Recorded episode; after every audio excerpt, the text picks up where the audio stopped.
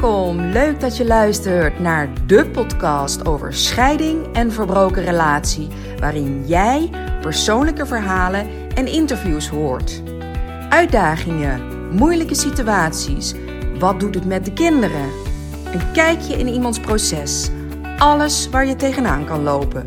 Ik deel het graag. Hoe pak jij je leven weer op na een relatiebreuk? Hoe kijk je weer positief de toekomst in? Hoe kan je met eenvoudige stappen houvast krijgen? Rust, vertrouwen. Dat is waar het mee begint. Ik heb er heel veel zin in.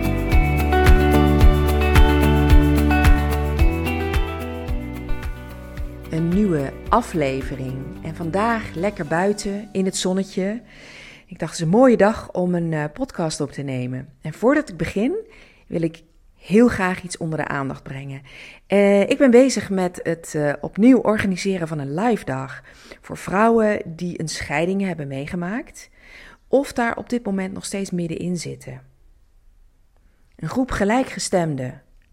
En ik vind het zo ontzettend leuk om zo'n live dag te organiseren.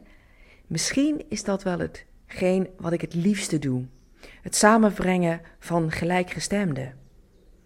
En de dynamiek en de onderlinge interactie die er vrijkomt en de verhalen en de ervaringen die gedeeld worden. En op het moment dat je landt op het erf van de boerderij, uh, zal je het gevoel hebben dat je, weer, dat je even helemaal weg bent uit je dagelijkse leven. En dat geeft je ook het vertrouwen en de rust om het begrip en de ervaringen te delen met elkaar. En ik ben druk bezig met het programma. En wat we zeker gaan doen, is dat we de natuur ingaan. En wat ik ook zeker weet, is dat we een heerlijke lokale dagverse lunch krijgen. Um, en alleen dat al is de moeite waard om te komen. Een ontspannen sfeer waar alles mag en niets hoeft. Je zal je gesteund voelen en je kan ook anderen steunen. Je gaat je in dingen herkennen. Je gaat je herkennen in een ander persoon, in het proces van een ander zodat jij vol inzichten en met vertrouwen naar de toekomst kan gaan kijken en je verlicht voelt als je naar huis gaat. 22 april en 3 juni zal deze, eh, eh, deze de live dag plaats, zullen deze live dagen plaatsvinden. Ja, 22 april, het is vrij kort dag. Maar na het bezoeken van de locatie wilde ik gewoon niet meer wachten. Mocht je deze podcast nou luisteren en deze data zijn al uh, voorbij, houd mijn Instagram-account of mijn website in de gaten voor nieuwe data. En beter nog, ga me gewoon gezellig volgen op Instagram of Facebook. Dan blijf je continu op de hoogte. En wat bespreken we zo al tijdens zo'n live dag? Het is eigenlijk beter welke onderwerpen komen vaak aan bod. En ja, ik wil uh, in deze podcast wil ik de drie meest voorkomende angsten, die vooral veel al besproken worden tijdens zo'n dag, um, die vrouwen in een scheidingsproces tegenkomen. Eerste angst, onzekerheid, uitdaging is wel bang om straks alleen te zijn, bang om alleen te zijn. En als dit extreem wordt, dan noem ik het ook wel eenzaamheid. Eenzaamheid is een gevoelsreactie. Je herinnert je situaties, denkt aan gebeurtenissen en dat maakt het gevoel van eenzaamheid in jou los. Even een voorbeeld vanuit mijn situatie destijds. Zelf ben ik 13 jaar geleden gescheiden en ik kwam, eh, ik kwam er alleen voor, uh, voor te staan met drie kinderen. Het waren pittige tijden en ik heb me ook regelmatig alleen gevoeld. En even één voorbeeld vanuit mijn situatie. De zondagochtend, het zondagochtendritueel, het ontbijt met het gezin aan de tafel met verse broodjes en een eitje. Ja, en dan zit je alleen, want de kinderen zijn uh, bij hun papa of bij hun mama. En dan zit je alleen aan die tafel in dat weekend op die zondagochtend. Je kan ook dat gevoel van alleen zijn, van die eenzaamheid, van het enorme gemis van het gezin en dat moment ervaren als jij wel de kinderen bij je hebt. En ook op die zondagochtend aan dat ontbijt zit. Het gevoel dat, er, dat, jullie, dat, je, dat het niet compleet is. En het is helemaal niet raar dat jij je eenzaam voelt. Bijna iedereen kent het gevoel op enig moment, komt in ieder geval op enig moment in zijn scheiding dat gevoel van eenzaamheid tegen. Hoe meer jullie levens in jullie relatie met elkaar verweven waren, hoe meer en des te vaker jij je eenzaam kunt voelen. Als mensen een huis hebben samen en kinderen, misschien wel een bedrijf samen, gezamenlijke hobby's, dan was het leven duidelijk verweven. En dan gaat het niet enkel om praktische alledaagse dingen. Grote kans dat een groot deel van jezelf is opgegaan in je partner. Daar bedoel ik mee, tijdens de relatie hebben jullie elkaar, hebben jullie naar elkaar gevormd. En de ene persoon heeft zich meer aangepast dan de ander. Hoe meer verweven, hoe meer aangepast je bent, hoe groter het lijden na het verbreken van de relatie en hoe groter de confrontatie is. Uit elkaar gaan is meer dan je denkt. Er is opeens een leven voorbij. Het leven samen. En ik, ja, ik noem het rouw bij leven. Je voelt het gat wat de ander heeft achtergelaten. Eenzaamheid kan ook heftig zijn als je in je kinderjaren te maken hebt gehad met verlating. En ik zal binnenkort een uh, nieuwe podcast gaan opnemen hierover. Want ik zelf heb ook mee, heb, heb, ik ook in mijn, in mijn kinderjaren heb ik met uh, uh, verlating te maken gehad. En waardoor ehm, mijn eigen confrontatie met die weggestopte verlatingsangst na de breuk, na de scheiding, ja, heftig naar boven kwam. Als jij herinnerd wordt aan momenten in de relatie, dan kan je dat plots overvallen. Dus die herinneringen die opkomen, dat kan heel plotseling gaan. Dan krijg je een scheut van dat eenzame gevoel over je heen. Een scheut van verdriet, een golf van verdriet, een golf van emotie. Het kan je overkomen als je alleen bent. Maar het kan, komt ook vaak voor als jij in gezelschap bent van anderen. Eenzaamheid na een scheiding is een serieuze zaak, waarmee je moet dealen of je nu wilt of niet. En mocht jij na dit punt van herkenning al het gevoel hebben van, nou, hier wil ik wel eens even over praten, dit voelt heel pijnlijk, neem dan contact met mij op. En dan overleggen we even plannen we even een moment en misschien kan ik je al die eerste houvast geven. Ja, tweede punt. De tweede angst. Wat doe ik mijn kinderen aan? Hoe zorg ik ervoor dat mijn kinderen er niet al te veel onder gaan lijden of onderlijden op dit moment? Ik heb hier ook een podcast uh, over opgenomen. Volgens mij is dat podcast 5. Uh, hoe je de kinderen, het heet volgens mij, hoe laat ik mijn kinderen wegkijken in deze chaos.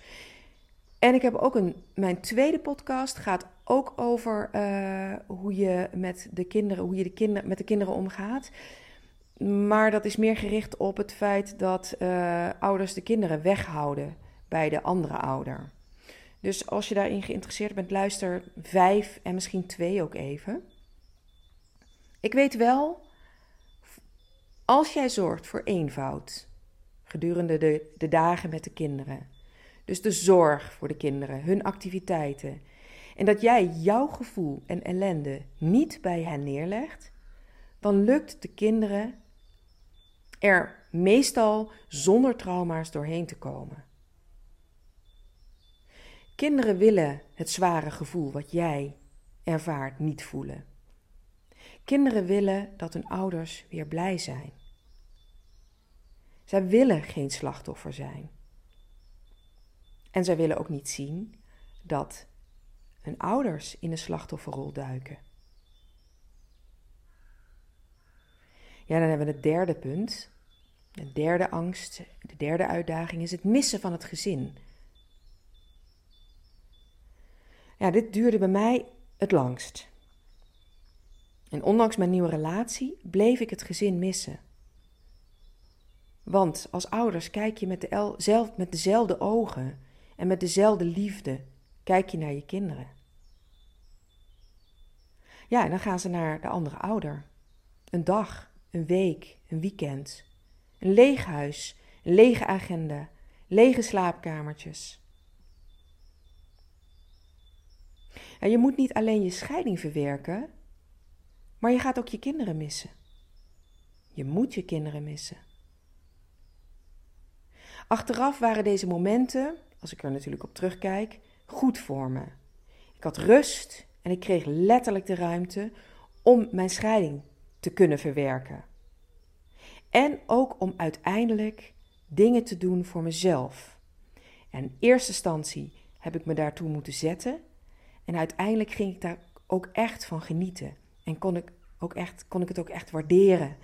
Dat uh, ik vrije weekenden had die ik kon invullen naar mijn behoeften.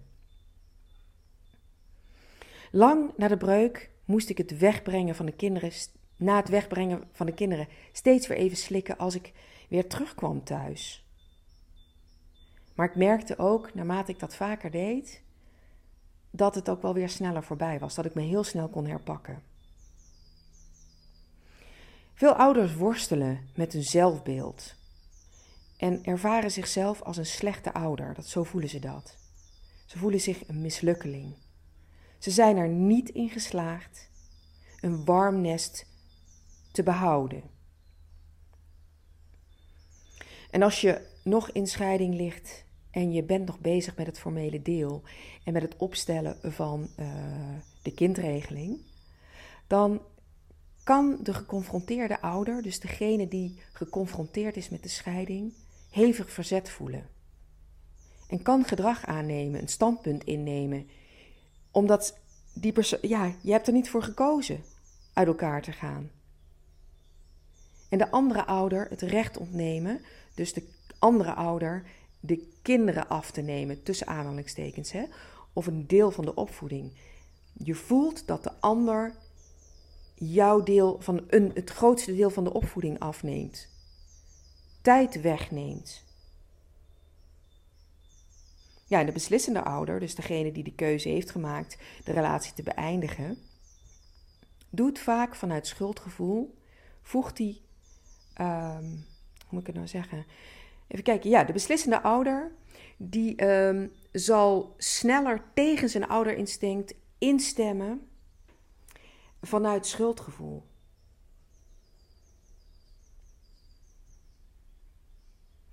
Ja, en deze en nog veel meer serieuze onzekerheden, angsten, uh, kunnen uitgebreid besproken worden tijdens de live dagen. Want je hebt natuurlijk ook nog de financiële onzekerheid. Uh, hoe vult iemand anders zijn tijd in? Hè? Dus het praktisch invullen van de, van de tijd, met of zonder de kinderen. Ja, en ik heb er zoveel zin in om die dynamiek en de energie die vrijkomt uh, vanuit die groepsessies uh, te ervaren. En het is namelijk niet zo dat dat ik alleen wat ga presenteren. Nee, jij krijgt voornamelijk die inzichten vanuit de groep. Ik zou zeggen, mocht je dit nou interessant vinden, meld je aan of neem contact op mij, met mij op voor meer informatie. En ik weet dat veel vrouwen in het scheidingsproces zeggen dat het nu nog niet het moment is. Ik weet wat we gaan doen en ik kan je zeggen dat het waardevol is en zeker de moeite waard.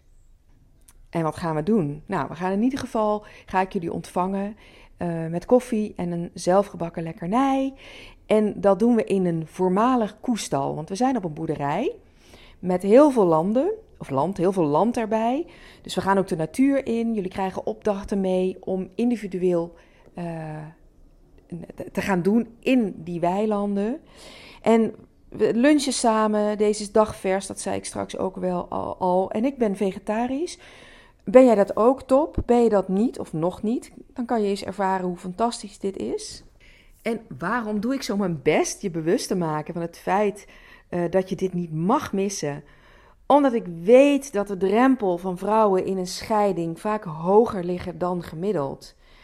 En het is in zo'n proces ook lastig om beslissingen te nemen. En zeker bij dit soort activiteiten. Want ja, het is spannend. Je kent de mensen niet. Je kent mij misschien niet. Misschien bijna zeker niet. En je weet niet wat je te wachten staat. En je weet ook niet hoe jij zelf gaat reageren.